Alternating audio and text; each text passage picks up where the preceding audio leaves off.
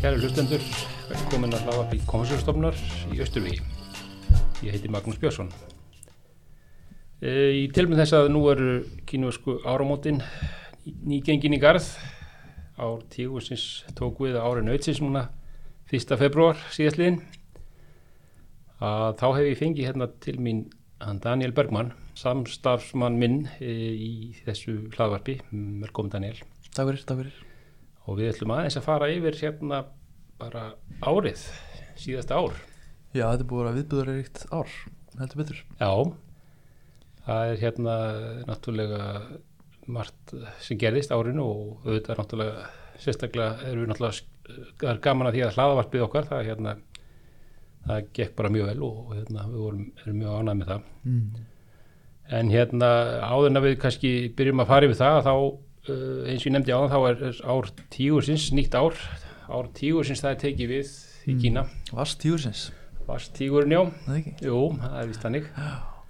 Það hérna...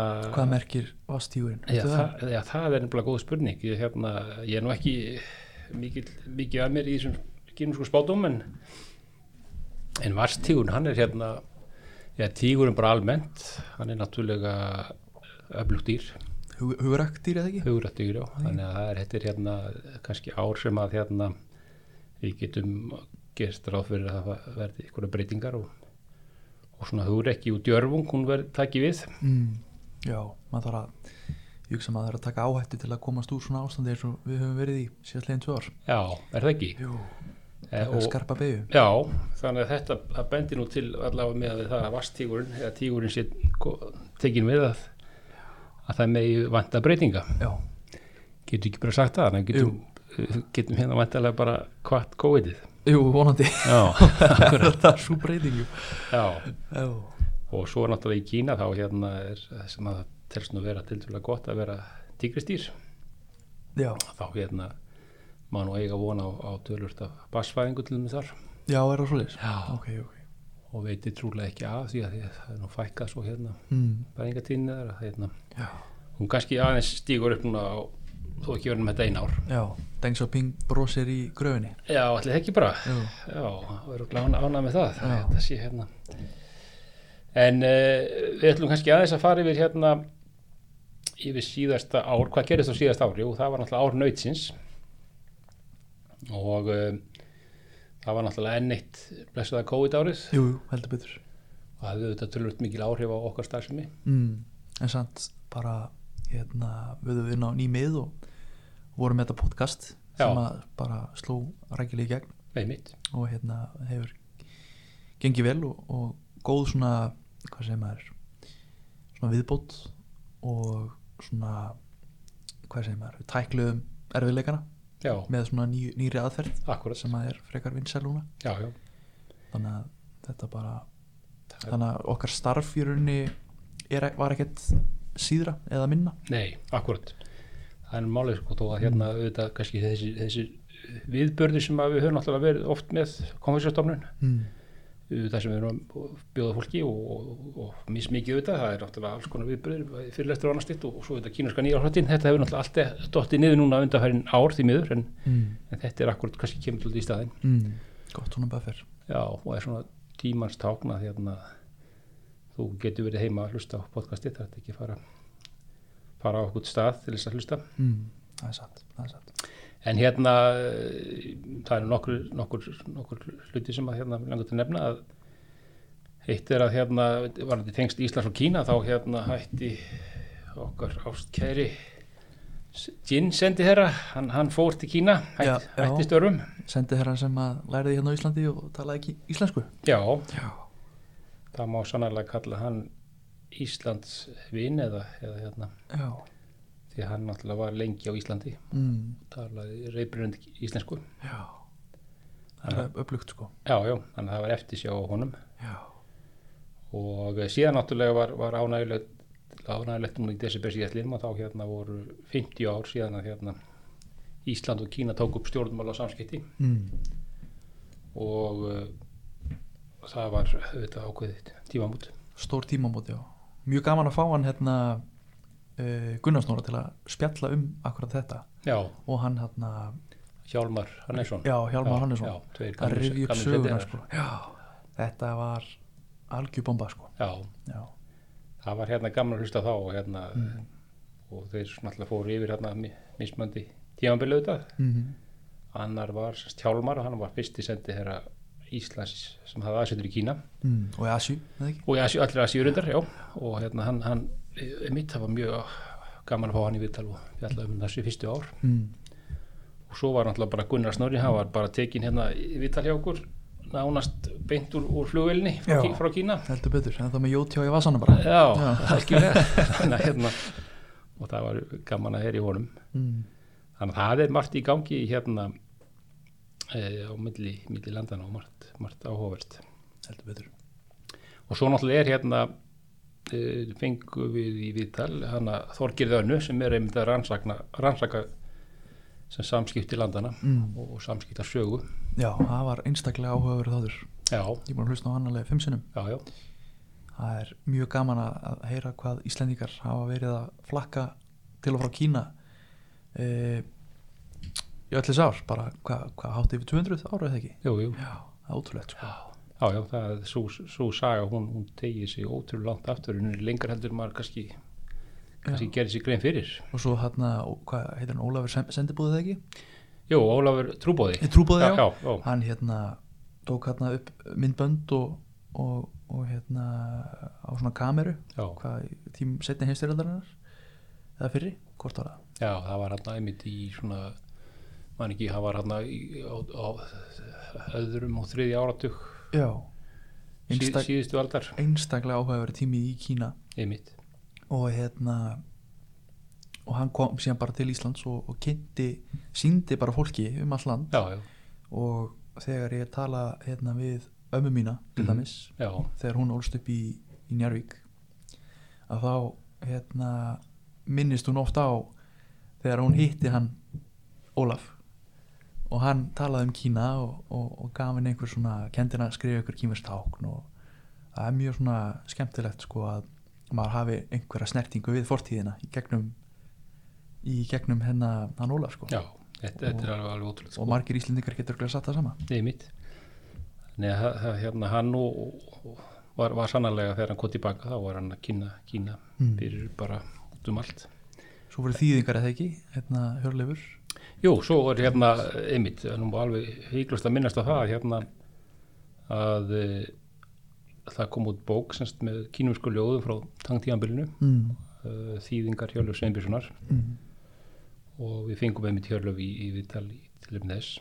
mjög falleg bók Einstaklega skemmtileg bók, já, og hérna akkurat hún er svona ljóðræn eins og kannski Já, passar vel við Já. ljóðabók einmitt og eh, m, já, mjög skemmtileg ljóð sem hann valdi náttúrulega þetta þú verður náttúrulega að velja tölvörðu kostgefni ljóð frá þessum tímanbili þau eru náttúrulega fjölmörg, Fjölmörg, mörg áhverð já og við fjöllum einmitt um tvö helstu skáld þessa tíma í pisli hjá okkur var það ekki Jú, jú, Dúfú og hérna Líbæ já, Það hefur verið skemmtilega að bæta við hérna Wang Wei en, en hérna hann er svona miðjubarnið, það var svona, hann Já. er svona gleymið stundum já, einmitt og hérna, það kemur bara síðan hjá okkur það kemur síðar Já. heldur betur, já, það er nú eftir já, já það er sannarlega hérna, nóg sem að hérna hættir að fjallum þegar kemur að kynvísku menningu Já, En þetta var já, mjög, mjög hérna, skemmtileg bók sem að hérna, hjá Hjörleifur þi- eh, já, þýðingum Hjörleifs mm. og svo kannski langar myndið að nefna líka hérna, þó að það sé nú, hafi nú gerst reyndar árinu áður en þó svona alveg í lokin að, hérna, að þá náttúrulega er, er þýðing Ge- Geirs Sigurssonar á hérna á henni, Sunzu Bingfa já, Já. á henni þekktu bók hérna Sundðu, Mm.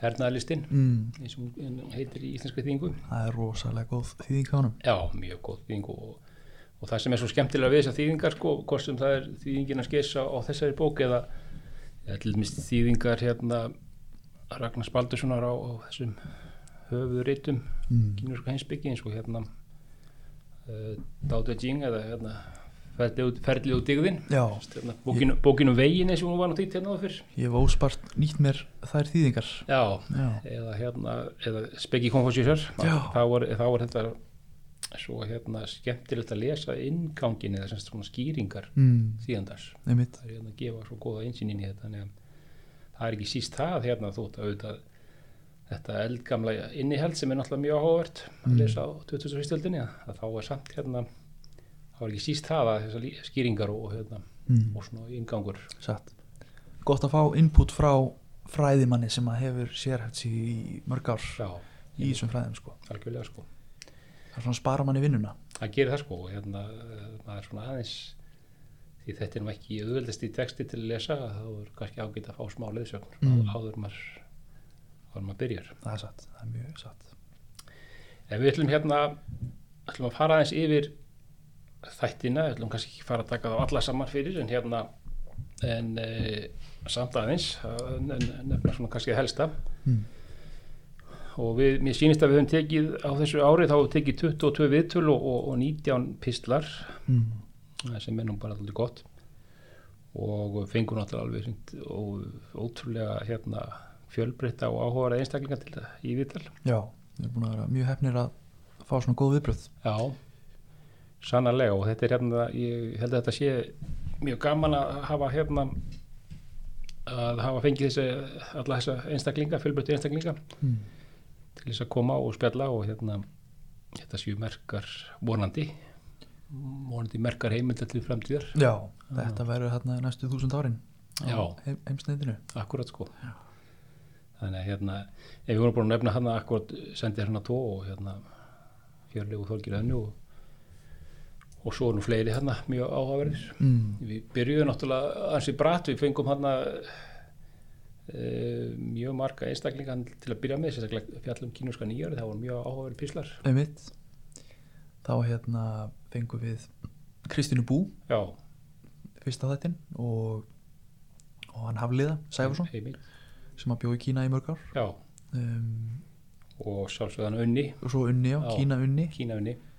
einstaklega skemmtilega þættir Já, mæli stranglega með já, að þetta er þannig að hlusta voru, þá þannig að yfir voru, kínuska nýjárið já, þannig að voru að fjalla akkurat um hérna um kínverska nýjárið og svona hvernig þau, það leit út fyrir þeim og Mm. þau heldu upp á það. já, Þannig að hérna, og svo bara eh, tókum við hérna þekkt nöfn úr þessum Kína kreðsum einmitt Eh, Artur hérna, Helgason og já, Geir Sigursson og svo áfram þannig að það er mjög, þetta er mjög áhugaverð hérna, já, áhugaverð pislarann til að byrja með algjörlega sko og viðtöl já, en svona kannski í, aðeins að leikum okkur aðeins með þetta hérna við höfum við höfum tekið saman svona óskalistan okkar já, yfir, yfir, yfir viðtöl og hérna og við völdum hvorn sig hérna bjöða viðtöl svona, svona með okkur og, og svona brot sem að úr viðtölum sem okkur finnst hérna áhugaverðust einmitt, einmitt og ætlum að hérna taka fyrir kannski og, og hlusta eins og aftur já,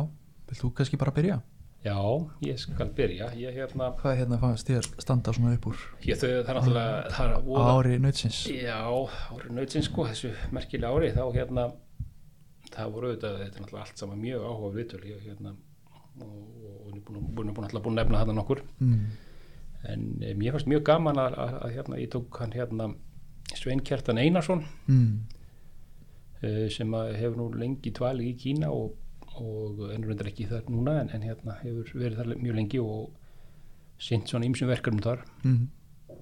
hann kendi mér einn hérna tíma hérna í kemskur fræðum í Háskóli Íslands, já, manni því einmitt, það var mjög hérna skemmtilegt já, já, hann hefur komið í mitt verið að kynna hérna og, og mjög fróður um, um mjög margt í, í Kína en, en hann hefur einmitt hérna var að vinna að jarðhitamálum í Kína og eh, var þar að vinna fyrir, fyrir fyrirtæki sem að hérna var í samstarfi við einmitt eh, mjög stórt kínust fyrirtæki mm. byggja upp heitaveitur í Kína og, og var það Sinopec, það var Sinopec já eða ekki? Jú, það kom með hans fram viðtalina þetta að Sinopec væri fjórða stæðsta fyrirtæki í heiminum öllum, já, hvorki meirinu minna mm. og uh, ótrúlegt að Íslands fyrirtæki skulle vera í samstarfi við svona risa já, heldur betur já, Þetta er magnað sko já, og hérna þeir eru að gera mjög, mjög þessi fyrirtæki eru að gera mjög gott í, í Kína í, í uppbygging og hitaveitum og hitaveitu mm. og uh, það veitir sannlega ekki af að hérna að þess að draga úr mengunni þar og, og hérna og að, að efla græna orku þá í, með íslensku hugviti sem er náttúrulega alveg Einmitt. stór, stórkurslegt Ég hugsa þetta sé bara bara mesta framtak Íslands í grænni orku bara í he- heiminum já, Bara- allir það ekki bara og ég hugsa að ef ég fæ mér rétt orð það 50% hagnaðar sem að kemur af þessar orku kemur aftur til Íslands þannig að þessi fjárfesting er hérna, mjög góð sko já, já, á höndum okkar sko þetta er al- algjör snild að hérna bæði erum við að hérna gera gott fyrir jörðina og svo erum við náttúrulega að selja hérna hugvit já, og alveg, alveg magnað þannig mm. en ef ekki að hlusta bara á eh, svona tíumönda bútur úr telnu Jú. það sem að lýsir hérna eh, þessu sem er, er að gera alltaf núti og, og hérna mjög áhugavert mm, endilega að við skulum bara hlusta á það Þannig að upphaflega var Enex fyrirtækið með verkefni út um allan heim, meðal hans í bandarækjunum, Kína sérstaklega, eh, Filipsheim. En þegar ég kem inn í þetta þá er fyrirtæki búið að fara í gegnum nokkra svona vendingar eins og fyrirtæki e, voru flest búin að gera á þessum fyrstu árum eftir fjármálurhunnið. Og e, það sem ég geng inn í er í rauninni bara Asíuverkefnin. Þá standa þau eftir hann inni, annars vegar e, heitavitaverkefni í Kína og hins vegar uh, jarðvarma uh, raforkuversverkefni í Filipsíum já, já, og ég með minn Kína bakgrunn fókusaði þetta uh, mest á uh, Kína mm -hmm.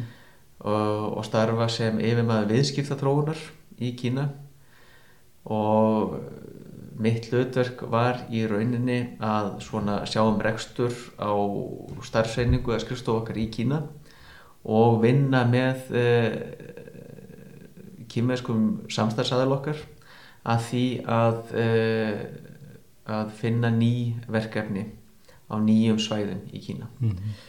og sem sagt starf sem okkar í Kína hún eh, byggðist upp í gegnum svo kallað samstarfsfyrirtæki já, eða eh, það sem kallað Sino-Foreign Joint Venture já, það eru verkefni þar sem að eh, kýmversk fyrirtæki ofti eigu ríkisins um, fara í samstarf með erlendu fyrirtæki sem yfirleitt hafa þá upp á eitthvað að bjóða sem Kína skortir já, yfirleitt tækniþekkingu og í þessu tilfelli var það þetta þekking á því hvernig að, eh, að eh, vinna og, og reka uh, jarðvarma hittaveitur.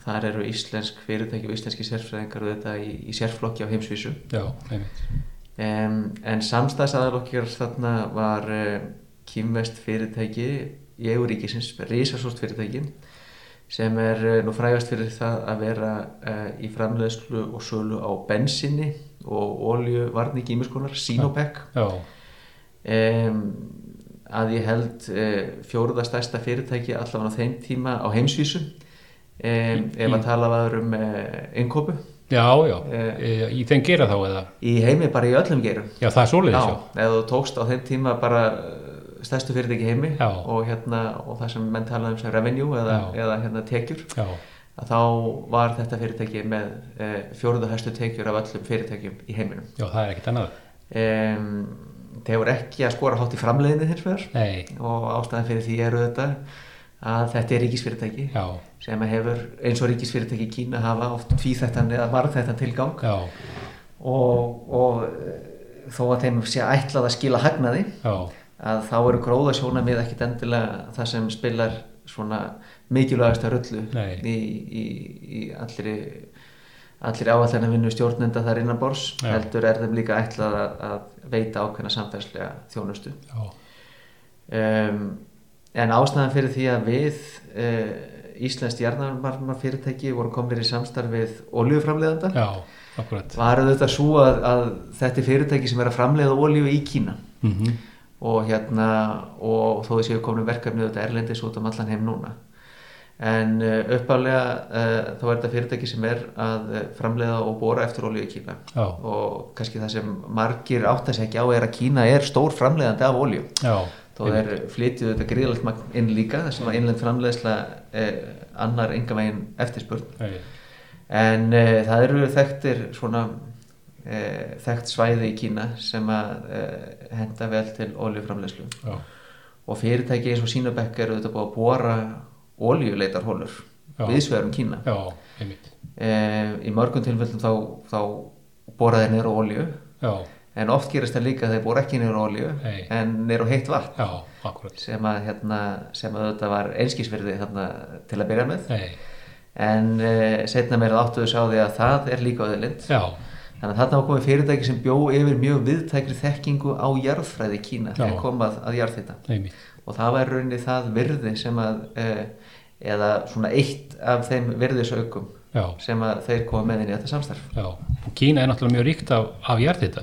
Það er það nefnilega og hérna, það er annað sem að menn kannski átta sig ekki á Já. að, hérna, en málið er að þetta er, þetta er öðruvísi öðlind en við eigum að þekkja hérna frá Íslandi Já, Þetta er ekki þessi svakalegi fleiri hundra gráðu heit- heiti háhiti nei, eins og við þekkjum hérna á helli segið eða reikinesunu já, með tilhærandi gufustrókum einmitt, heldur erum að ræða láhita Já. sem er svona frá 40 gráðum og upp í 80 gráður já, um, Þetta er hiti sem er ekki nægilega hár til þess að framlega rama nei, allavega ekki á hagkvæman hátt Nei. út frá fyrirlengið tækni en hendar mjög vel til húshitunar já, og um það snerust okkar verkefni í Kína já, það var að, að, að bóra eftir, eh, eftir heitu vatni og nýta hann til þess að hita upp hús þannig að e, það segir sér því sjálft að öll okkar verkefni eru í norðurhluta Kína já, þar sem að hús eru hitið upp já, yfir já, veturna. það sem þarf að hita upp hús. Já, Eða ef það- þau eru hita upp, það kannski þarf að hú- hita upp annars staðin, þannig að það er aðal, aðal hústunum mitt. Nákvæmlega og hérna og, um, og við völdum svona svæði þar sem að þetta er þess að kalla second og third tier svæði svæði sem eru komin skemmra á veg uh, hvað var efnaðislega framþróun Einmitt, en uh, það sem uh, svona í, í burðarlinum var mikil og stórtæk uppbygging svona á næstu árum og áratugum já, að því að það er mikilvægt fyrir svona verkefni að koma snemma inn Já. á svæðið einmitt, og eins og við þekkjum frá Kína þar, þar, þar gerist að heilu hverfin eru jöfnum við jörðu og sér ný byggð í staðinn já, þannig að hérna, það skiptir miklu máli að komast inn e, í svona verkefni á hönnunastíðinu já, þannig að hönnuðir og, og framkvæmdaraðal geti gert ráð fyrir þessum e, jarðvarma hitaveitu kerfum alveg frá byrjun Já. það sé ekki verið að skipta út þessum kóla kóla hitunarkerfum Já. fyrir ný það er Já. óþvara kostnaður já, og, já, og, það er kannski erfið erfið að eiga við það eða og hvað. er verið að eiga við það Já, einmitt, já, sko. einmitt, Þannig að hérna þannig að þetta voru verkefni í Höbeiheraði, Já. kringum Kína einmitt, mörgum eh, borgum og bæjum þar já, við vorum eh, í Sandong heraði já, sem er svona rétt þar sunnan við já, eh, fjölmennt herað með stórum borgum og hérna og, og mjög áhugaverð áhugavert svæði að mörgu leiti ekki síst í, í sögulegu ljósi einmitt, og síðan vorum við þarna í kringum Sían og Já. það svæði, Já. ekki síður áhugavert hérna sögulegt nei, svæði nákvæmlega, En hérna, en það voru einmitt fyrstu, fyrstu hérna, verkefnin já, og uh, í bæ sem, eða borg sem heitir Sjenja já, sem að þekkt svona á fyrstu árum uh, kýmerska keisarveldisinn sem bæði höfuborg uh, Kína já, og uh, frægur baðstaður einmitt því að Akkurat. þarna var að finna heitt vatn og heitar laugar. mm, einmitt, Þannig að hérna, það voru svona þessi þrjú kjarnasvæði Já. uh, sem við unnum út frá á þeim tíma. já, Uh, en nú skilst mér að hérna, ég, ég leitaði önnur mið árið 2017 já, og mér skilst að, hérna, að þarna hafi átt sér stað eh, enn meiri vöxtur undanfærið þrjú ár. já, já, já, Það er áhugavert í þessu líka er að hérna, svona stæstu verkefnin e, e, þegar ég var að vinna þarna voru alltaf í kringum e, e, ég er rauninni bara síslu eða hérað sem heit sjónhérað já, í Höbei Já. og hérna og þar voru stór verkefni eh, ekki síst vegna þess að það var hröðefnaðislu framþróun á þessu svæðin það var hérna mjög góð öðlind mjög hendaði mjög vel hitastíð Já. fl- og flæðið það er eh, annað sem að menn horfa mikið í þegar verið að meta svona hagkvæmni jarvarma verkefna um, en eh, svo voru berglögin hérna voru mjög hendu líka Já, já. Að því að það er annað í þessu sem að, sem að menn kannski gerir sér ekki grein fyrir að það er ekki endalust magna af heitu vatni hvorki hérna á Íslandi nýja á þessum svæðum í Kína þannig að það var mjög mikilvægt að geta pumpað upp vatninu já, unnið úr í hitan til þess að hitta hús en það var ekki síður mikilvægt að geta pumpaði niður aftur til þess að halda auðlindinni stöðuri já, og hérna og, eh, og sjálfbæri já, akkurat, þannig að hérna en svo gerist það þarna bara á síðustu metrunum mínum e, í þessu eh, verkefni að þetta er einmitt svæði sem er valið að miðstjórninni Peking til þess að verða svona um, já, annað stjórnsýstu eða efnahags svona framtróna svæði í Kína já, já, þetta er hérna rétt fyrir hvað sunnan pekingar og, og var endurnemt sem Sjóngan já, þetta var hann að Sjóngsísla og, Já. og, og Angóasísla já, og það voru samanæðar í, saminæðar í hérna Sjóngan já, Þannig að eðlilega eru þetta svona þau fyrirtæki sem, nei þau, þau verkefni e, hjá, hjá þessu íslenska fyrirtæki sem menn horfa svona mest í upp á framtíðina já, e, að gera Já, já. Hérna. og, og gríðarlegur vöxtur framöndan einmitt á þessu svæði sko. já, og náttúrulega spennandi að taka þátt í að hérna, byggja upp hita auðvitað hann á svona ný, á nýri, á nýju stjórnsýslu svæði þarna, Kína, algjörlega já, já, og hérna og, og, og bara mjög skemmtilegt verkefni að öllu leiti að því að það var annað líka sem var að gerast á þessum tíma að þarna sko á árunum 2012 og, og fram til 2017 þegar hætti að þarna þetta er í rauninni sá tími þar sem að það er að renna upp fyrir almenningi í, í Kína og stjórnvöldum sömuleiðis að þetta loftmenguna vandamál sem að svona, hafi nú verið viðvarandi þarna í ykkur tíma já, að það var algjörlega að koma úr bandunum já, og það var að koma upp hann alveg alveg dagar og vikur þar sem að sko loftið var svo mengað Já. og eitrað á stórum svæðinu norðu Kína að það var ekki hérna, hættandi að fara út fyrir húsið styr nei, akkurat, þannig að eðlulega var komin svakalega mikil eh, mikil fókus hjá stjórnmöldum um að leysa þetta vandamál já, og svona ein, ein stærsta ástæðan fyrir þessi loftmengun e, fyrir auðvitað auðvitað þungaðinað og, og bílaumferð er húshetun já, akkurat, kólabrensla til húshetun já, og menn tóku mjög fljótlega eftir mönstri á þá leið að loftmengun var mjög þéttari og verri yfir köldustu mánuðina en á sömru já, einmitt, sem skýristu auðvitað því að þá var fólk að hita upp húsin sko. já, þannig að maður fann fyrir uh, mjög mikill velvild Já. í garð svona nýra lausna eins og við vorum að fjóða upp á akkurat, það var ekki erfitt að mæta þannig að þetta voru með okkar viðskipt og þróun snýri fyrst og fremst að stjórnvöldum Já. á þessum svæðum þar sem að uppbygging væri vendum einmitt, þannig að það var ekki erfið sala að mæta og fundi þarna í þessum bæjarstjórnarskrifstofum já, um, fara svona í stuttum máli yfir sögu Íslands þegar Já. kemur að uppbyggingu gjörð þetta, hvernig við á skömmum tíma uh, breyttum okkar mótili úr því að hita hús upp meir og minna af olju og kólum að einhverju leiti líka og í það að nýta jarðvarma og síðan síndi maður nokkra velvaldar eh, fallegar myndir af, af hreitni og sólrikri Reykjavíkuborg já, akkurat,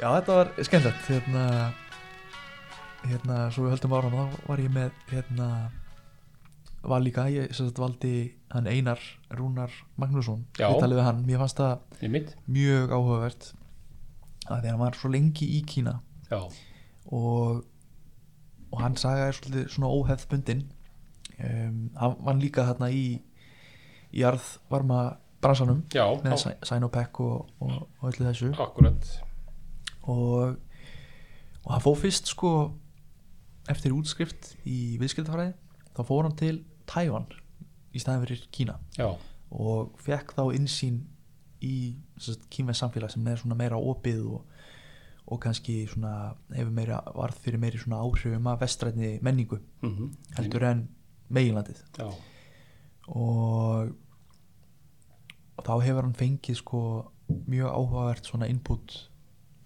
sem að flestir hafa ekki sko nei, og síðan eftir það þá fór hann til hérna Guangzhou einmitt, en ekki hérna Beijing eða Shanghai sem, Akkúrat. sem að flestir fara til já, já, hann valdi aldrei sérstaklega leið til að fæta Kína, sem, já, hóvert, og fór hérna til hérna Zhongshan Dashue hérna í Sun Yat-sen háskólan hefði ekki jú, akkurat, einmitt, um, og lærið þar kínversku og stund, svo byrjaði að stunda business bara hlið, hliðin á því já, já, og síðan bara vatt þetta upp á sig og hann sem sagt eh, fór yfir til eh, Össur og kom til Íslands og, en, en var mjög snemma að ljósta að hann skildi fara aftur út og, og hefur svona mjög mikla reynslu bara að stunda viðskipti í Kína og hann fjallar mjög vel um þetta í þættinum sko já, akkurat, um, sem ég bara, og ég mæli bara með því að fólk kynni sér sko, já, þú veist, ef þú verður í sensin í dag, serði eitthvað nýtt, eitthvað sem að þú hefur aldrei séð áður eh, kemur svo til Íslands þá er bara mjög líklegt að, að hérna, þessi uppfinning verði bara úrelt áður hún, áður hún ke- kemst á alþjóðamarkað skilur Já. og það kemur bara eitthvað ný, nýra sem að hérna, virka betur og, og það einhvern veginn muni þá leiða að, að enda á Íslandi og þetta er svolítið svona kína í hólskun að, að hlutinni þróa svo hratt já, akkurat að við, við fáum ekki eins og að upplifa það sko nei, einmitt. nema við förum þangað sko já, já, og og já, ef við ekki bara hlusta á hérna, smá brot úr þættinum og, og hérna leifa einar að taka við jú, Nei, ekki. alveg ljómandi mjög stila það, mjög, hérna, mjög áhort viðtal við einar já.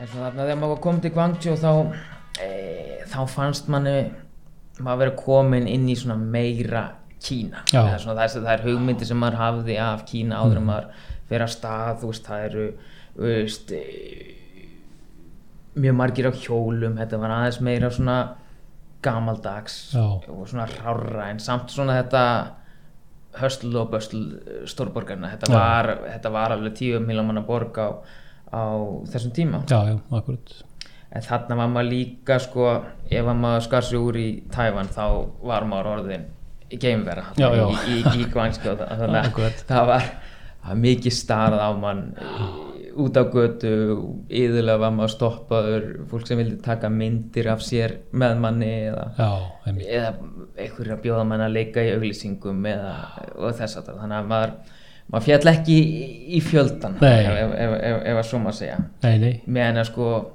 til dæmis í Beijing í, sérstaklega í dag það er svona það næst því sem að maður kemst í að vera venjulegur í Já, Kína innan akkurat. gæslapp það er þú, þú kemur eins og í, í Taiwan og Guangzhou og meira þess að segja oft í Shanghai þú Mm. veist, ef þú kemur inn í búð þá f- fyrst fara allir í kerfi að þeir halda þeir kunn- geta ekki talað við þig já, akkurat, svo byrjar maður að tjá sig á kínvesku þá er næsta ó, þú talar svo góða kínvesku og Akkúrat. næ- næst, þannig að svona já, eh, fyrstu tvær mínútnar fara alltaf í eitthvað, eitthvað svoleið sko. Já, svo já. er hægt að fara að Já. já. tjá sig um það sem- hvað, Já, já. hvað maður er endið Fara að sinna meðan að viðskiptunum. í Beijing maður kemur bara inn í, inn í búð og maður tjá sig á kínvesku og það, Já. það er engin hissa það Nei. er svo mikið af ellendum nefndum sem eru þar og þetta er bara eins og þú ferð e, til New York og þú talar ensku Já. þó að, þú- þó að sjáist áður að þú sétt útlendingur einmitt þá er engin hissa á því að Nei. þú talar ensku af því það er enn máli sem er talað á, á hérna. göttunum hann já, já, einmitt Þannig að þetta er auðvitað alltaf sérstakur heimur hérna niður frá já, já, já, já. en hérna, en þú ert þannig í tvö ára eða eitthvað já, ég er hérna Já, í þú ert, ert þá vantilega orðin bara hansi hann er hansi sleipur í kínuskunna ekki eftir, eftir hérna tíma jú, jú, þarna eftir eh, það, sko e, kannski samhliða náminu þarna þá stegið svona svolítið mín fyrstu skref í viðskiptum við Kína Já. með frá náminu þá fór ég að taka með verkefni í útflutningi frá Kína eða svona uh, sourcing svo kallað þar sem ég var milliliður í því að uh, leita að vörum fyrir erlend fyrirtæki sem vildu flytja inn frá Kína og Já. sjáum svona allt utanum hald uh, á staðanum já, já, var það þá bara hvar sem er í heiminum eða Já, Ekki þetta var sérstaklega náttúrulega ísla- byrjaði íslensku kannski á, á íslensku fyrirtækjum, Já. e, var með sambandinni í bæði stórmarkaði hérna og, og í byggingar geiran já, og svo bara fer maður að mæta vörusýningar og, Já. og, og, og í kantum fer og fleira að ta, og bara tala við fólk sem að sér á básunum og, einmitt og eh, meðal annars þar kynntist ég mannum frá eh, Dóminíska líðveldinu Já, sem já. ég gat, e, tengdi svolítið vel við að því ég hafði verið þar áður og talaði, talaði spenskuna já, og það, já, svo þróaðist hann þannig að þeir eru svona mínir stærstu kúnar Já, hann já. var ég að flytja uh, húsgögn og töskur og, og fleira sko mhm, en uh, svo kom það svolítið að þeim tímapunkt að mér fannst að hérna uh, mér fannst ekki, ver, ekki vera að fá mikið út úr náminu lengur fyrir það sem að eh, það sem að ég vildi fá út úr í af því að Já. ég kom, kom alltaf inn með sko eh, mjög skýrt markmið að veist, ég var að fara eh, ég, ég vildi praktist nám sem að myndi nýtast mér í, í samskiptum og viðskiptum já, ég viss alveg að ég var ekki að fara að þýðan innar fordbókmyndir nei, nei, akkurat og það var svolítið sko eh, það var eh, orðið meir og meiri hluti á náminu sem að ég sá að var ekkit rosalega praktist í, í nútímanum þannig að á Nei. endanum sko hætti ég í skólanum létt það gott heita og, svona, og, og einbetti mér að því hérna, eh, einbetti mér að vinnunni já, en svo náttúrulega heldur maður áfram að bæta vissi orðaforða í daglega lífinu og, og störfum og, já, já, og algjörlega til, til dæmis eh, ég held að núna sé ég með sterkari orðaforða kýmverskan orðaforða í bæði hvað var þar stóðtæki og, og orkumál jarðhita heldur en ég hafði á íslensku þegar ég fer að staði í Já, í þetta ferðalag sko. akkurat það er aðtíkluvert þannig að þú lætur bara gott, gott heita hérna eftir þessi á,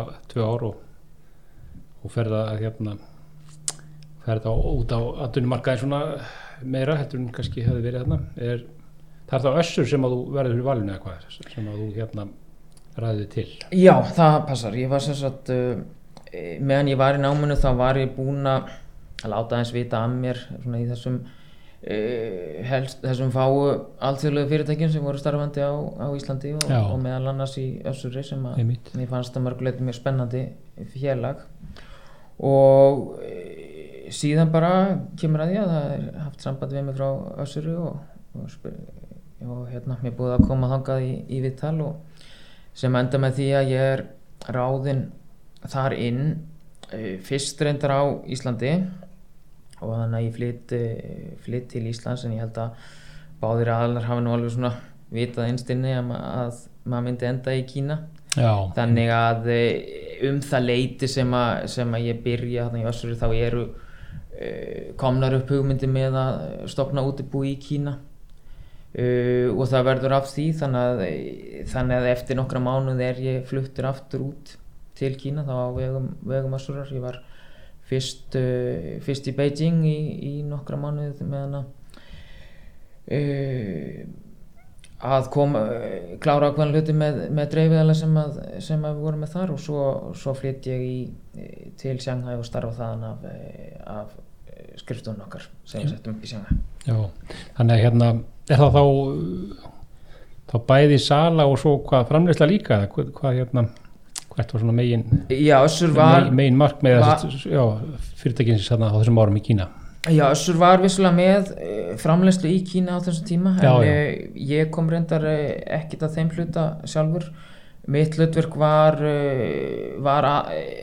aðalega svona það sem, það sem snýri að sölu og, og markarsmálum en ég byrja á, á því að vera ábyrgu fyrir, eh, fyrir Kína svo en það hlutverk þróa síðan mjög fljótt yfir þegar ég tek við starfi sölustjóra fyrir eh, svona þetta Asia Pacific svæði, Já, já. það er segja svona Austur-Asia eða Asia alveg frá, frá Indlandi í, í vestri og austur til, til Kóru og Japans í austri og alveg niður til sko Suðaustur-Asíu og Ástralíu og, og Nýja-Sjálfans já, já, já það er nú verið aðeins í hérna áhugavert Já, já, viðfangsefni. já, já Mm, vissulega þetta var, þetta var mjög uh, skemmtilegur og áhugaverið tími hún náttúrulega aðurlegast alveg heilmikla reynslu þarna við það að, að byggja upp uh, sölunett um alla, alla álfuna já, akkurat og svo líka náttúrulega fann maður sér oft í því hlutverki að vera svona brú milli þessara tvekja menningar já, já, algjörlega Jóstu, og, eh, þó,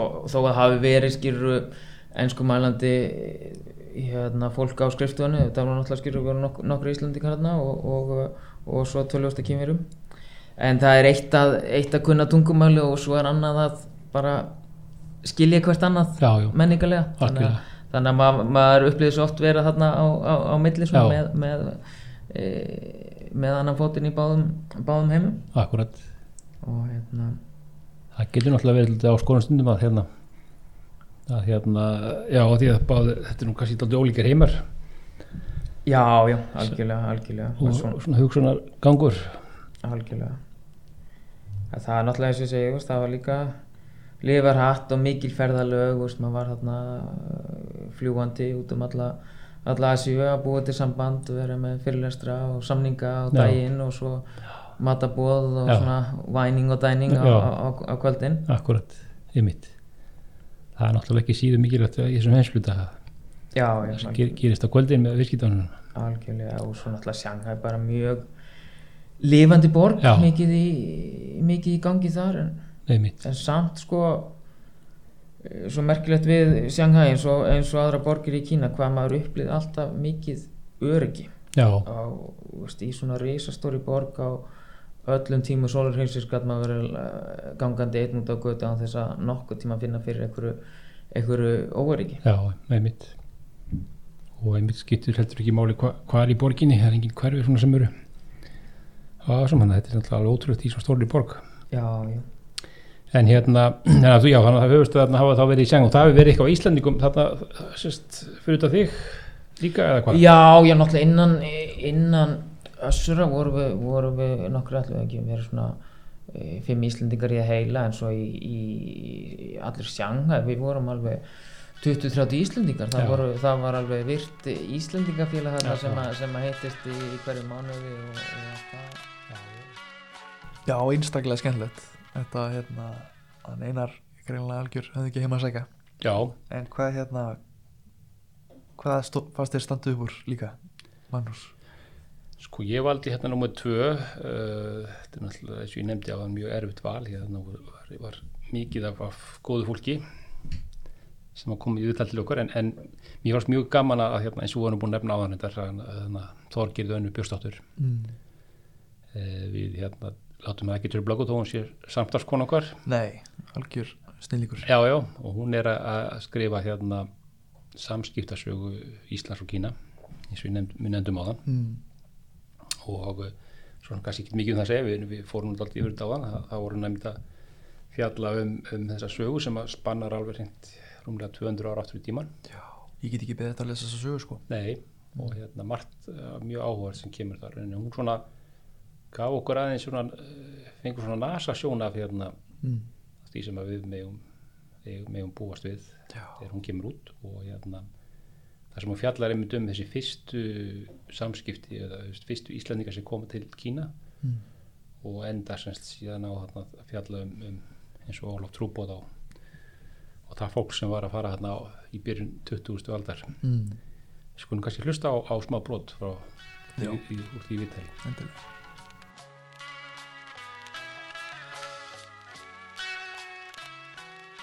Sko í rauninni ef við erum að, að leita upp í fyrsta Íslendingin sem fer til Kína Já, þá erum við komin aftur á miðja átjöndu öld. já, Þá er þetta Íslendingar sem er að fara í gegnum nýlendu verslun Dana. Já, Danir já. voru með heilmikla verslun bæði Indlandi og Kína já, og hérna, á þeim tíma er náttúrulega kaupmannöfn höfðborg Íslendinga. algjörlega Svo þeir eru nokkrir Íslendingarnir sem slæðast með dönskum kaupskipum til Guangzhou eða Já, Kanton já. Mhm. eins og hann kallið á þeim tíma. Einmitt, Já, það er mjög áhverð Og við eigum að minnstakosti tvær góðar ferðasögur sem hafa varð veist að handritum Já, já, já, frá 1760, það er Árni Magnússon frá Geitastek og svo frá 1763 þá er Eiríkur Björnsson sem kallaði sig Víðförli. já, já, Hann hérna segir líka frá mjög svipæri ferð já, á dönsku kaupskipi. Mér er sér sama skipið og sami kaftinnin já, já. hann á þreymur árum senna. Já, já, já. Svo hérna, það er, það er svona upphafið sko. já, þeir hafa líst þessum þessari ferð og komur sér til Kína taldið ítalega eða hvað? Já, og það er mjög gaman að sjá þetta. Þetta er náttúrulega gífurlegt sko, ferðalega á þessum tíma. Það var þetta háls árs sigling, Já. suður fyrir sko, góðravana höfða Af- Afríku og, og bara heilmikið fyrirtæki og batteri að að fara til Kína á þeim tíma. Já, Svo setna meir náttúrulega þótt að landfræðilega fjarlæð hérna, breytist ekki, þá bara verður þetta allt annað mál og í dag er þetta ekki nema Já, þú verður að fara frá Danmörku, þá er þetta ekki nema kannski nýju tíma flug. nei, akkurat, það er heldur betur styrst Já. tíminn. Já, Já, já.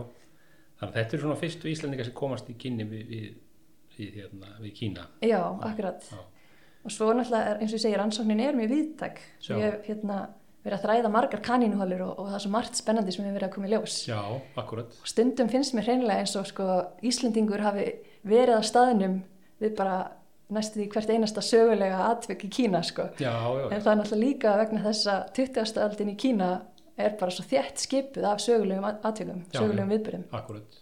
Þannig að það er ekkit hérna, undarlegt í rauninni þó að Þú einhver Íslandingar hafa verið að slaðast þannig á þessum tíma. Nei, það er alltaf mjög áhugavert, en það, Já. að fyrst þér voru að annað borð, þá er eitthvað sögulegt í gangi, Já, sko. já, já, það er Það er nákvæmlega. svo mik mikla breytingar í gangi, mikla samfélagsbreytingar og, og þú veist, bæði átök og og, hérna, stríð og, og ham, alls konar hamfarir og, og eins og líka bara ymsar samfélagslega breytingar og, og, hérna, og framfarir og, og hérna, já, já, þannig að það hefur verið svona gaman að sjá sko, stundum finnst manni eins og Íslandingur hafi einhvern veginn verið á staðnum fyrir allt sko, Já. bara svona sem dæmi þá uh, hann var til dæmis þegar Pétur Torstensson fyrirvændi sendið er að Íslandinga gagvart Kína þegar Já. hann fyrir sína fyrstu Kínaferð já, til að afhenda trúnaðabrifið já, og þá hérna á hann að afhenda það 10. september 1976 já, já, og sem sagt hann er komin til Kína og, og svo bara frestast þetta allt saman af því að Mao formaður hann lest þannig 9. september já, já, bara Svo daginn hann, áður. já, daginn aður, svo hann er þannig að vandraðast að býða eftir að fá svör sko, hvernig hann geti afhend og,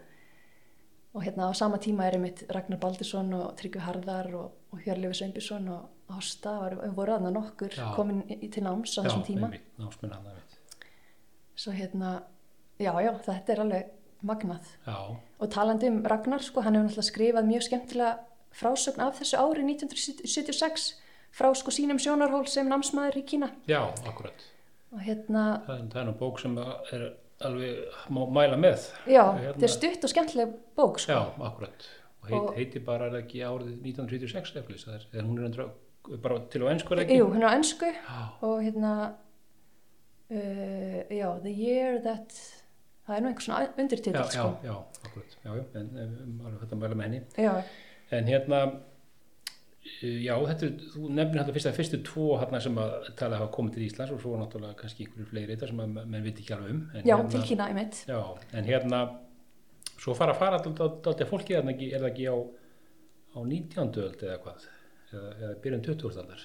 já, sko, fyrir hluti 20. aldar þá eru eigum við örfa trúbóða sem fara til Kína Já, já, Það var alveg rosalega, rosalegur fjöldi trúbúða starfandi í Kína á fyrir hluta 2000 já, aldar já, einmitt. og við eigum þarna að, að, þrjá einstaklinga. Já, já, já, Það er Steinun Jóhannesdóttir Heis sem Já. var trúbúðslæknir já, á sér stórmerka sögu. einmitt, Uh, Svo er hann Ólafur Ólafsson, Kína trúbúði akkurat, og Jóhann Hannesson sem að starfaði í rauninni tekur svolítið við keflinu af Ólafi Ólafssoni já, kemur hérna eftir að Japanstríðið er, er eh, hérna, ég semst Ólafur fer um það leiti sem Japanstríðið er, er, er bre- á brostið á í rauninni, hann Já, fer í já. gegnum sko hersetna Shanghai já, já, já, og, og Jóhann Hannesson hann kemur hérna eftir það og, og í rauninni læsist úti þegar að hérna eftir byltingu, þegar Já, að já. kommunistar eru búin að taka völdin já, og, og, og, og kristnibóðar eru ekki lengur vinsalir, nei, akkurat, gestir í landinu já, En svo eigum við reynda líka hana Odnja Erlendsdóttir Sen sem var hana alltaf ekki sem trúbóði. Nei. Hanna hennar saga líka mjög sérstæð því hún sko er hana sem eiginkona kínvesks fræðimanns já, akkurat, Guiting Sen eða Guiting Sen eða Sun Guiting eins og myndi heita á kínvesku í já, dag. já, akkurat, Og hann einmitt er mjög líklega fyrsti kínverinn sem dvelst á Íslandi. já, já, já, Þegar hann og- kom með konu sinni henni á Odnju til Íslands sömari 1920 mhm, og hann kom nú reyndar þrísar, þrjú skipti með henni sko því að hérna, hann kom að helt fyrirlestra og, og var að vinna eitthvað í doktorsverkefninu sínu líka hérna og, já, já, já. og þeim greinlega líka vel því þau koma aftur næsta sumar og svo koma þau aftur eða sem sagt koma sumarið 1921 líka og koma líka aftur í desember 21 og eru fram, á, fram í januar já, 22 já. og hérna, svo þetta eru þrjú skipti og hann, hann mér sé að segja frá því að hérna, í li, litlu, litlu bra- blaðagrein sem ég fann eftir hann, eftir að verið, eins og ég segi, búin að vera að grafa í ymsum kanínuhálum á tímarit.is að Var, það, þá, var það kín, á kínversku þá eða? nei, hann Nei. hefur skrifað ensku, hann var Já, gífilega já, vel já. mælandi og, og, og talandi á, á ensku, eða skrifandi og, og hérna enda í doktorsnámi í Edinborg Já, akkurat. að þar sem að þau odni kynnast eins og kannski þekkt er ef að fólk þekkir sögu odniðar eitthvað þá vita flestir að hún var í sjálfi háskólanámi og, og starfandi í Edinborg og kynnist honum þar svo þau hérna flytja svo saman til Kína og hún á sér svona öðruvísi upplifun sem sagt það er ákveðin hliðstæða á hjá Ólafi og Odni því þau eru í Kína nánast á sama tíma þetta eru nánast sömu árin sem þau eru í Kína Já, já, frá 1921 til 1937 já, nema hvað að Ólafur tekur eitt svona hérna, trúbóða hlið ár þess að hliðs ár já, já, yfirleitt þannig með trúbóðana þeir gáttu tekið pásu á nokkur ára fresti í eitt ára eða svo já, og hérna svo þetta er svona, þau koma til Kína sitt hvora leiðina sko, hann fer Ameríkuleiðina já, og hún fer um Súeskurinn sem þá er komin já, akkurat. Evrópuleiðina Já, og eru þarna á nánast sama tíma eru að fást við algjörlega sitt hvort hlutin hún er eins og segi gift hérna, fræðimanni og þau búa í, í suðlægu Hafnarborg Sjaman já, þar sem að hann er að kenna við hérna, sjaman háskóla einmaðurinnar og Já. hún, hún var nú sjálf líka að kenna og, og alveg börn, þau eignist þarna tvö börn, höfðu mist einn dreng, það var mjög sorglegt hann hafði verið bitin af hérna, hundi með hundæði, já, já, erlendur já, hann var ekki nema að- að- að- tæplega sex ára gamall já, einmitt. En svo eignast þau þarna töpunni viðbót og, og lifa sín fjölskyld lífi þarna og meðan sko Ólafur Ólafsson er í, í trúbóðin í miðju landi já, í allt öðru þessi aðstæðum sko. já, einmitt. En hérna, eins og ég segi, þá, þá þegar það samiðilegt að þegar þau koma heim, hann er 1937, já, þá kafa þau bæði í þetta að svona miðla sinni kínaþekkingu. já, Svo það er engin, engin ís- einstaklingur eða einstaklingar sem hafa miðlað jafn vel og jafn mikið til Íslendinga á 20. öldinni og þau gerði. já, Því að Ólafur, hann einhvern veginn, sko, hann, hann kifti kvikmynda upptöku vel þegar hann var í Kína á fjóruða áratögn. já, það er alveg magnað, Það er magnað, hann á hérna, kvikmynda, semst að klippur af ki- lífinu í Kína já, og hann er svo almennilegur hann Egil Helgason, dóttursonur Ólafs. Hann hérna gaf mér eintak af heimildamind sem hann bjóð til um afa sinn já, já, já, og þar er, notar hann þessar gömlu upptökur frá afa sínum, já, svartkvítu upptökur alveg magna að þessar heimildir séu til það er alveg einstætt heldilega hlut að vera, það hafa verið Íslendingur að að mynda þarna í Döngtró og Láhökó og Shanghai já, akkurat, og fjórða áratögnum og hérna, svo það er alveg magnað og hann sem sagt fór með sína kínamynd eða kínamyndir, hann Ólafur og var að segja frá trúbóðinu út um, hann fór um- út um allt land þar sem Já. er sagt að hann hafi sko sínt þessa mynd í hverju plássi já, já, já, og ég veit það til dæmis að mamma sá þessa mynd sem barn hérna bara í skólanum á, á skóum minni mig já, já, já, hann kom í heimsókn í skólana líka og, já, hérna- það, það, það er nánast sko einasta mannsbóðn á Íslandi þekkt Kína í gennum þessa já, kynningar, og svo var hún sko, hún Otni, hún nefnilega flytur heim með börnin sín og er með ansið myndalegt safn af kýmjösku munum sem að hún og maðurinn hennar höfðu verið að safna já, ímsi listmunir og hún heldur stóra síningu á kýmjöskum listmunum hérna í Reykjavík og það var sagt frá því sko að það hefði um 11.000 manns sótt síninguna já, svo þetta var talið bara að vera bara einn stærsta síning sem haldin hefði verið í Reykjavík á þessum árum já, hvað séru, og hún fyrir með síninguna líka norður til Akureyrar og þá er líka þá börn þar sem sá hana og þar á meðal pappi minn Já, svo já. maður sér það bara það- Akkúrat. einhvern veginn flestir verðast þá að komist í snertingu við þeirra kínamiðlun já, á þessum árum uh, hún reyndar heldur síðan síninguna sína tvö skipti aftur með svona um það byl áratuga hliði hvort sinn sko. já, og, hérna, og svo núna er þessi munir bara í eigu sen fjölskyldunar ég mitt, en hann, hún þá kom tilbaka, eh, einmitt, eh, já, þau, eða þau bæði runni, eftir að Japan ráðast inn í Kína og hérna, Já. og hún, hún, hvað hún skilur, hún tekur börnin með sér en, en hérna, Já, en- einmaðurinn en var ein eftir, já, já, í já, rauninni sko það var byrjaður ófrýður norðalega í Kína þegar hún kemur já, einmitt, en sko viku eftir að þau fara þá ráðast Japanir á sjáman já, já, já, já það er ein, átti engum og munar, mynd mátt engu muna og, og miða við hvað hún segir þá virðist hún ekki hafa verið að flýja ófrýðin sko. nei, nei, akkurat, heldur, þú veist Já. það að verið bráðgjört að koma í heimsókn til Íslands og taka eitt ár á Íslandi Já, snúa svo aftur til Kína, virtist vera áallinin, en hérna svo bara verður ekkert að því þegar það er stríð og ófrýður og já, og svona erfitt að fara aftur þangað. Já, Svo já. börnin þau bara skjóta rótum hér og læra íslensku og þá er nú sagt frá því að þau voru spenntust fyrir því að sjá snjóin á Íslandi. Já. Hefði aldrei séð snjó. nei, það er ekki snjóraðan í sjaman, Nei, nei. Nei. Og ég fór nú og spjallaði við hana Signýju sen. Hún var nýjörðin nýræð þegar ég tók hana tali hérna eh, fyrir tveimur árum síðan já, og þá hérna, hún minnist þess mjög vel að hafa verið í, í sjaman, sko. hún er nýjára þegar ég flytja til Já, Íslands já, já, já. og stóri bröður hennar Jón, hann var hann 13 ára einmitt, svo þá mann komið heilmikið vit í kollin og meðutarum umhverju sitt og, og, hérna, og þau þurftu að læra íslensku hér já, en áttu mjög góðar æskuminningar í sjaman Já. eða amói eins Já. og að kalla á svona staðarmáliskunni já, já, akkurat, einmitt, þetta er alveg stórm, stórmerkileg saga. já, og svo náttúrulega Ólafur hann hérna hann er hérna í trúbúðinu hérna eins og segir bara inn í miðju Kína já, ændala við mjög frumstæðar aðstæður ótt á tíðum akkurat það hefur verið svolítið munur sko þau byggu náttúrulega e, þau byggu í svona kristnibóðs e, húsneiði, já, kristnibóðsstöð og börnin fóru lítið út fyrir það svæði sko en hérna trúbóðnir þau fóru að sinna söfnuðum á kvipin og kvapin og mjög oft fótgangandi já, akkurat og hérna og svo,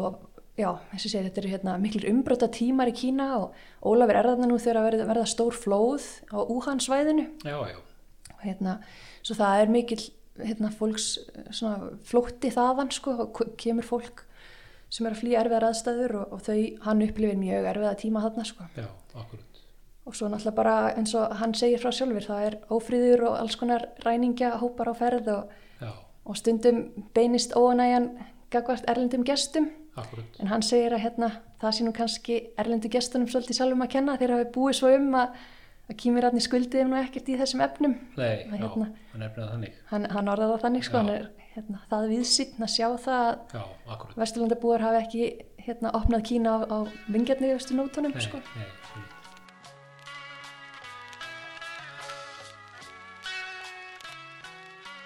Já, það verið gaman að fá önnu aftur Hún hérna er búin að vera í baknendalefi núna í eitt ár og, og hérna hennar er sárt saknað Já, algjörlega Eh. og hérna vonandi bara uh, gengur áfram vel hjá henni að skrifa söguna og, mm. og bara vonandi að hún komi út jafnvel á þessu ári, Já. býðum spenntir Heldur betur, heldur betur. En þú Daniel, þú ert með hérna þátt sem að þú hérna, eða viðtal sem að þú þér, þér hugnaðist vel Já, heyrðu, mm. þau voru mörg öll, hérna, jafn góð en það voru nokkur sem að stóðu upp úr og e, eitt á meðal var hérna viðtalið við hann Arnar Stein e, Þorsteinsson Já, einmitt hann hérna hann er líka með mjög áhugaverða sögu um, en hann sem sagt e, flutti til Guangzhou eftir útskrift úr MR Já, munir rétt um, til að læra kýmversku og var þar í hérna, hátt upp í fimm ár í kýmversku námi já, akkurat og Og- mjög lengi, lengi, mjög lengi einmitt í kynurskonamunna mjög, mjög lengi og hefur lært greinilega bara mjög vel kýmversku Eh. Algjörlega, og og mér fannst mér finnst þetta svo áhauður tími þessi aldamót sko, þe- þessi tími sem hann var úti þannig 2001 já, um, að því það voru svo gríðarlega miklar breytingar í nútímasögu Kína eða þessi stað sko og, og þessi mikla uppbygging var svona að taka svona skref fram á við einmitt Þetta eru- Em. þetta eru hlutinir heldur betur að fara að gerast já og en samt sko hérna mætir hann út og er mjög hérna bjart síðan og, og, og svona metnaðgjart sko Eh, hefur skýrt markmið fór til Guangzhou í staðin fyrir Beijing að því að það eru færi útlendingar Já, akkurat, um, og minnir mér svolítið á þegar ég hérna, uh, þegar ég fór sjálfur út í Kína en hann fór sem sagt til Guangzhou út af hitanum sko Já, já, líka, akkurat, það var einmitt. hérna lokað slæðið held ég sem að hann tók uh, ákveðinu sko um já, það. já, akkurat en hérna, þegar ég fór út sko þá hérna, fór ég til Nanjing í skiptina úr HÍ Já, og hérna og ég held að Nanjing væri bara hlý, bara allan á sér sník já, og ég flög hann út í miðan mars og, og tók ég eins og úlpi með mér nei og var ekki bara kaldara heldur en á Íslandi það sló mig heldur rækilega við Já, en, hérna, en Arnar hann valdi réttaborg já Guangzhou, það, sem, er- það er yfir hlítar sem að hérna, græna borgin eða blómaborgin Í mitt blómaborgin er nú oft göllu sko og hérna þar er yfirleitt lít allan ásins ring Já. Hvað er einhverjir einn, tveir dagar eða eitthvað sem að það er smá kalt Já, já, það er kannski hann einhver, einhver eina þar viku sko sem að er, þú veist mm. sem að hittin fyrir kannski undir tíu gráður eða hvað það er já en það er yfirleitt gott að vera það þetta kannski, þetta misast bara hvað hvernig, hvernig hérna eh, fó- hvað fólki líkar við hvað það, þetta tí, svona var þetta hittastig en Mm. það er auðvitað þá á móti mjög heitt á sumrin mm, einmitt. og svo kom hann til Íslands og, og hóf að vinna í ferðarþjónustunni og hefur örugglega verið einn af hérna, bara upplugustu ferðarþjónustu aðilum á Já. Íslandi sem að þjónust, þjónusta hérna, asíska ferðamenn einmitt, og, og eru örugglega meðal, eh, meðal hérna, reynslu mestu boltónum sko, Já, í já. þeim geira í þengir einmitt e, og já, já, en það, skulum bara ekki hérna, þetta voru mjög skemmtilegar Já. hérna, frás, frásagnir já, hans og þar skafi hún að því sko einmitt. við skulum bara hlusta á brotu þeim þætti og, og við hvetjum einstaklinga sem að hafa áhuga að hérna, hlusta nánar og hlusta á þessa þætti já, ljómandi bara hlusta með aðeins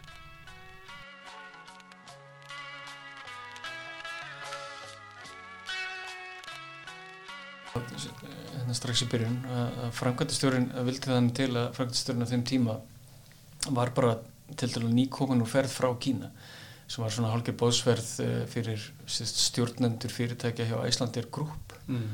það var sétt Æslandir, Æslandir Hotels og, og Æsland Travel sem voru þá svona þrjústæstu fyrirtækin inn í grúpinni og, og, og það var alveg búið að svona virtist vera eh, stefna fyrirtækina að, að byrja að fókusera á kínamarkaðinu 2006 og það var í rauninni svolítið snemt sérstaklega verið fyrirtækin eins og Æsland Travel það var bara, kímiski ferðamarkanum var bara ekki það þroskar á þeim tíma að við ættum tækifæri þar inni e, það var bara verið að leita hlutum sem við gátum ekki orðið við af því að við vorum spiluðum hlutina eftir bókinni Já. og kímiska ferðarþjónustan hefur aldrei verið sérstaklega þekkt fyrir það að að vinna hlutina nákvæmlega eftir reglum og svona eftir bókinni Nei, það verður bara að segja stælum svo er já, og hérna þannig að það líði nú alveg nokkur ár þangað til að við náðum einhverjum fórum að sjá einhvern árangur á þeim markaði hins vegar uh, sá ég strax að við áttum ónýtt tækifæri á Japansmarkaði já, og það félst bara í því að, að við vorum bara ekki að veita um þá þjónustu sem þeir vænta ja. ef maður hefur kynst Japanum á annan borð og, og hefur komið til Japan þá veit maður bara hversu hátt þjónustustig er þar einmitt, og hvað þarf til til þess að að búa til svona, já, hvað maður segja, bara gudvill í, í, í viðskiptum þannig ég sá að við vorum alltaf með einhverju viðskiptuvinna þar og ég tók þá bara hérna, upp á mínar herðar og, og hérna og við tvöföldum það markað á mjög skömmum tíma bara með því að, að sinna þeim almennilega já, einmitt. og, og fólk svona uh, vílaði þetta fyrir sér þegar að skildi ekki ennskun er og að þetta er allt svo erfitt og, eitthvað og ég lappaði bara inn í og þetta er bara, þetta er bara borleikandi sko Skilur, þetta er bara aðeins að setja sér í stellingar sko. Já.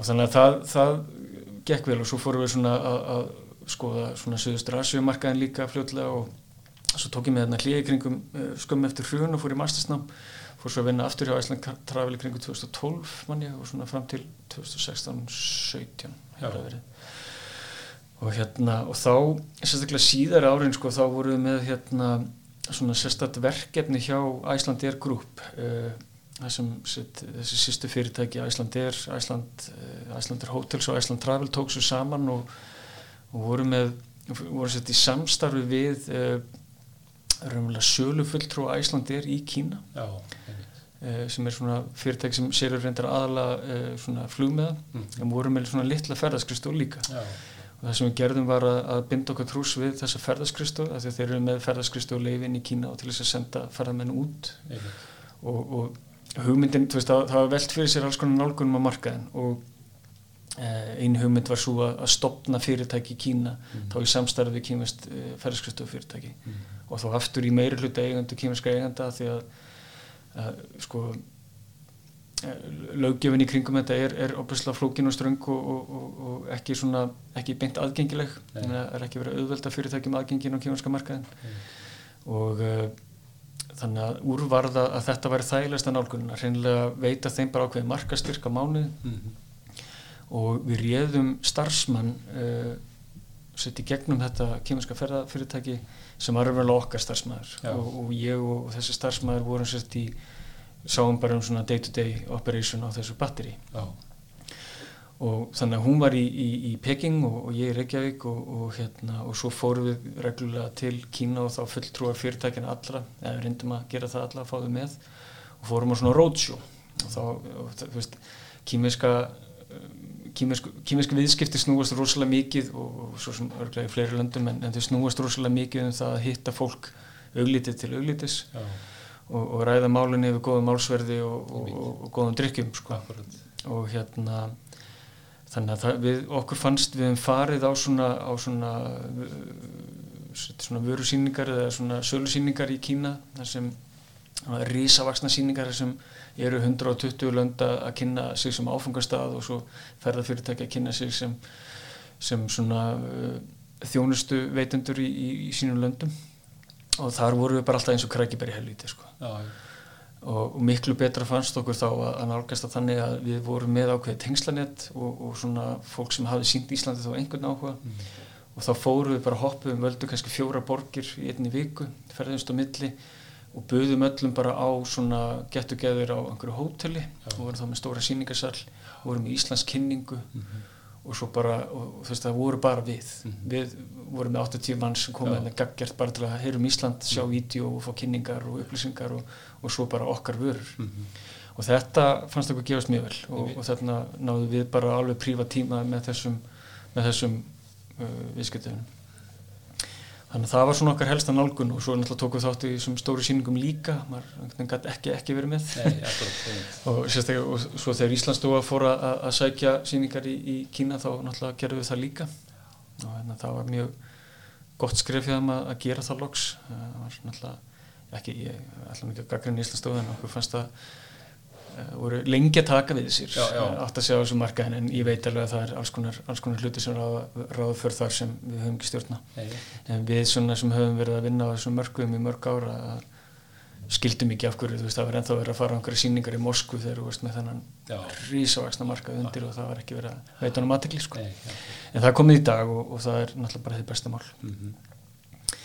en hérna þannig að já, fókusum var bæði sitt á, á, á Kína og sérstaklega á Kína en, en líka á Suðustur Asju á, á svona þessum við köllum svona emerging markets eins og Indonésiu sérstaklega uh, Fílipsiðnar í vaksandi mæli síðust ár og, og hérna þetta Tæland og, og hérna eh, Malasíu Mhm. og svo fórum við alltaf reglulega til Singapur líka sem er flottur markaður þrátt fyrir að sé ekki stórt land Nei, akkurat, það er alltaf mjög, mjög efna fólk og vel svona ferðast mikið já, og góða markaður þannig já, þannig að það er ekki bara verið fókus á, á kínamarkaðin Nei, ekki, en það var náttúrulega helsta Já, áherslan já, en, já. en, en eh, mikilvægt að, að- að huga hennu líka, Nei, mitt, engi spurning. þetta er náttúrulega gríðalegur, það er sama hvað maður fer hann á þessu svæði að gríðalegur fólksveldi allstæðar sko Já, já. Eins og maður skoður Indonésiu, sko, það er, eh, þetta er hérna náttúrulega stærsta, sko, hérna, muslimaríki í heimi, sko, Já. og sem f- kannski fæstir vita og, Einmitt.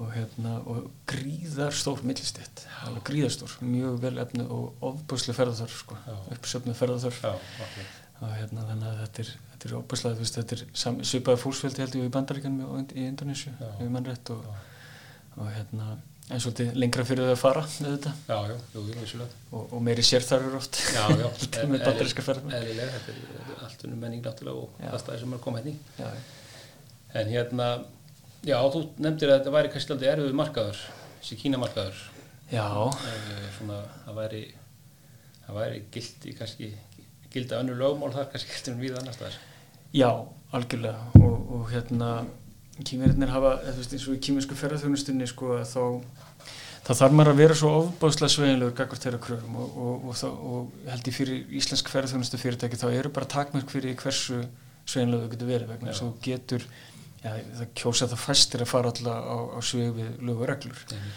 og oft er þetta svona kannski á gráðsvæði hvað verið er að byggjum og ætlast eh, til.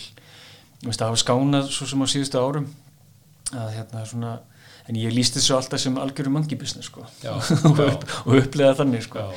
Eh, Það var ákveðin fyrirtæki sem var mjög gott að að fást við sem voru bara, voru ekkert að taka þátt í þessu en það hefur verið of of mikið af svona, af svona elementum í þessu sem hafa verið, já, þú veist, í besta fall okkur ásvæði já, og hérna, og svo náttúrulega þarftu bara, þú veist, þú getur íslenski, þessu eh, blessuð íslensku ferðarþjónustu fyrirtæki, þau, þeim finnst alltaf að, að sko, já, þú ert að koma til Íslands, þú átt að, að laga það íslenskum aðstæðum, Akkurat. kýminsku ferðamæður er aldrei að fara að gera það Nei, nei. og kemursk ferðarþjónustu fyrirtæki eru aldrei fyrir að gera það ég menna þau líti á sig sem mjög mikilvæga kuna Já. og, og velborgandi kuna og, og, og af hverju óskupanum ætti þú veist kýmursku markaður að taka eitthvað með að því hvernig hlutnir eru á Íslandi já, já.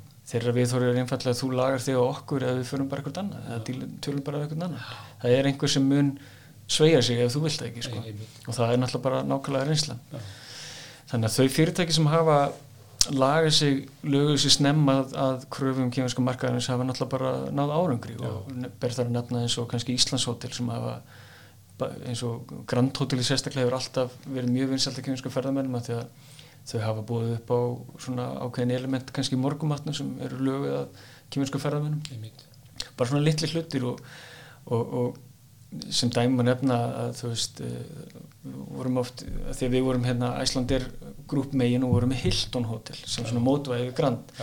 svona fjárastöfnu hótel á svona svipiðum slóðum, hvað var það, svona gæði og verð Já, já, og þekkt þekkt merkið við þetta já, já og, og Grand er búið að markasetja, Íslands Hotel búið að markasetja sig eh, hérna, mjög markvist í, í Asjú og meðan kannski Æslandir Hotel voru ekki búin að því jafn mikið og, og þau voru alltaf að velta fyrir sér, þú veist, af hverju, af hverju velja þeir Grand og það var, ég bendi þeim að það bæði var að markasetningin og þeir gerðu eitt þegar þeir hönnuðu Grandið að þegar þú kemur inn í lobbyið á Grand Mm. Já. þá er sko 20 metrar til lofts Einmitt. svona rosalega grand og, og svona plássmikið lobby versus þú kemur inn á Hilton og það er eiginlega bara venjuleg lofthæð það er svona frekar dögt yfir og, og þú, þú þekkir það sko þegar þú komið á kýmest hótel að lobbyið er bara "Vá, þetta er svakalegt sko það er aðsvæðið það er alls aðeins sko. og, og þetta bara, þeir bara vissu þetta þeir eru hönnuð hótelið, þeir, bara, þeir tóku með af þessu og, og þetta, hérna, þetta eru svona þessi litlu núansar sem fólk bara kannski átta sig ekki á oft og, og hérna en bara skipta máli e, þannig að þú veist að, að díla við kýminsku ferðarþjónustu fyrirtækin það er náttúrulega bara að skipti opuslega, þú veist verðlag hefur alltaf skipti opuslega miklu máli og það er alltaf búið að pína fólk hérna niður í verðum alveg bara lón og dón og, og ég alltaf svona eftir mörg ár henni á Æsland Travel þá voru við, var okkar fókus bara á að reynda maður að fá færri minni og betur borgandi hópa sem vildi bara mjög hátt þjónsustig Já. og voru til í að borga fyrir brúsan versus það að, að vera að taka svona þennan massatúrisma sem voru kannski 40 manns í rútu að ferðast um landið á 70 eða jafnvel 50 eða hvað það var og, og voru að, að hérna, gera þetta eins ódýrt og, og hægt var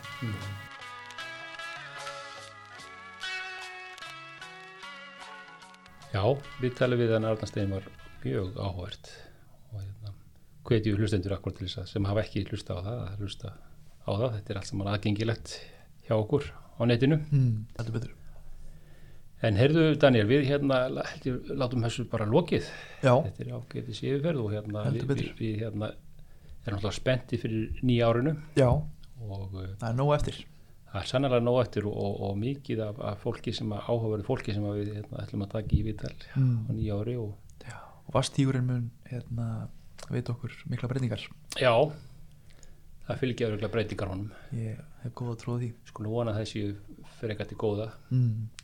þannig að við göngum bjarsinni bara inn í, inn í nýjárið Nei, það ekki Jú, er það ekki bara þannig að við bara óskum hlustendum gleðis nýs árs já, góngsi fatsæ og allt, allt þetta já, eins og men- kín, kínuverðin myndi segja Nei, það ekki, Jú. já, er ég að þakka þér Daniel fyrir spjallið já samanleis og hérna við verðum með eitthvað mjög spennandi á nýjári og ég get lofa hlustendum því að, hérna, að þetta verður, verður smart áhvert sem mun bjóði upp á mm, heldur betur, ég segi það bara takk fyrir takk fyrir, takk